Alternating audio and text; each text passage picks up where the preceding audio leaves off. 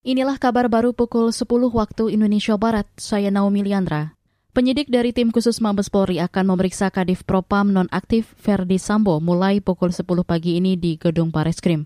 Direktur Tindak Pidana Umum Dirtipidum Bareskrim Polri Andirian mengatakan pemeriksaan ini terkait dengan penyidikan kasus tewasnya Brigadir Yosua Huta Barat atau Brigadir J.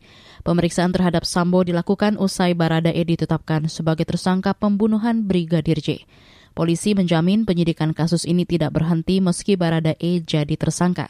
Sementara itu, juru bicara Mabes Polri, Dedi Prasetyo mengatakan, tim sus bentukan Kapolri Listio Sigit Prabowo bekerja secara cermat. Nah ini menunjukkan komitmen dari Bapak Kapolri ya, akan membuka kasus ini secara terang-menerang.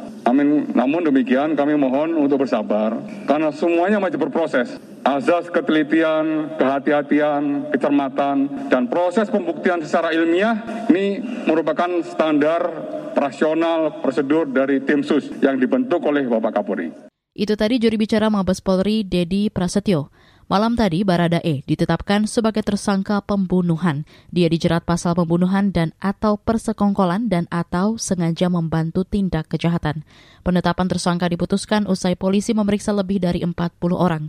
Dalam keterangan awal polisi, Brigadir J disebut tewas dalam insiden baku tembak dengan Barada E di rumah dinas Verdi Sambo 8 Juli lalu. Satgas Penyakit Mulut dan Kuku PMK menyatakan daerah boleh menolak pengiriman produk olahan hewan ternak dari wilayah zona merah PMK. Wakil Kepala Koordinator Pengendalian Operasi Satgas PMK Ari Laksamana Wijaya mengatakan penolakan itu dibolehkan dan tidak melanggar hukum meski belum diatur dalam regulasi khusus.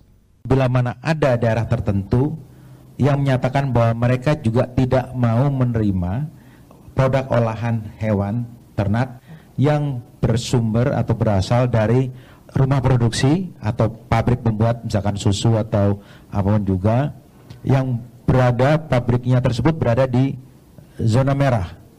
Nah, boleh saja mereka menerapkan itu. Itu adalah kearifan lokal, tadi saya katakan. Itu tadi Wakil Kepala Koordinator Pengendalian Operasi Satgas PMK Ari Laksamana Wijaya.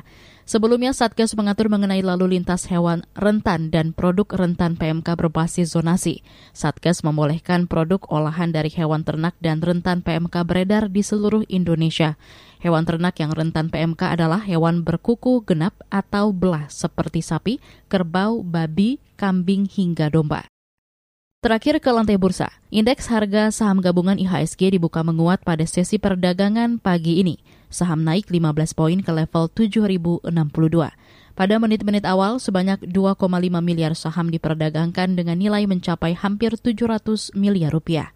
Sebanyak 250 saham menguat, seratusan saham terkoreksi, dan 170 saham stagnan. Saudara, demikian kabar baru KBR. Saya Naomi Liandra, undur diri.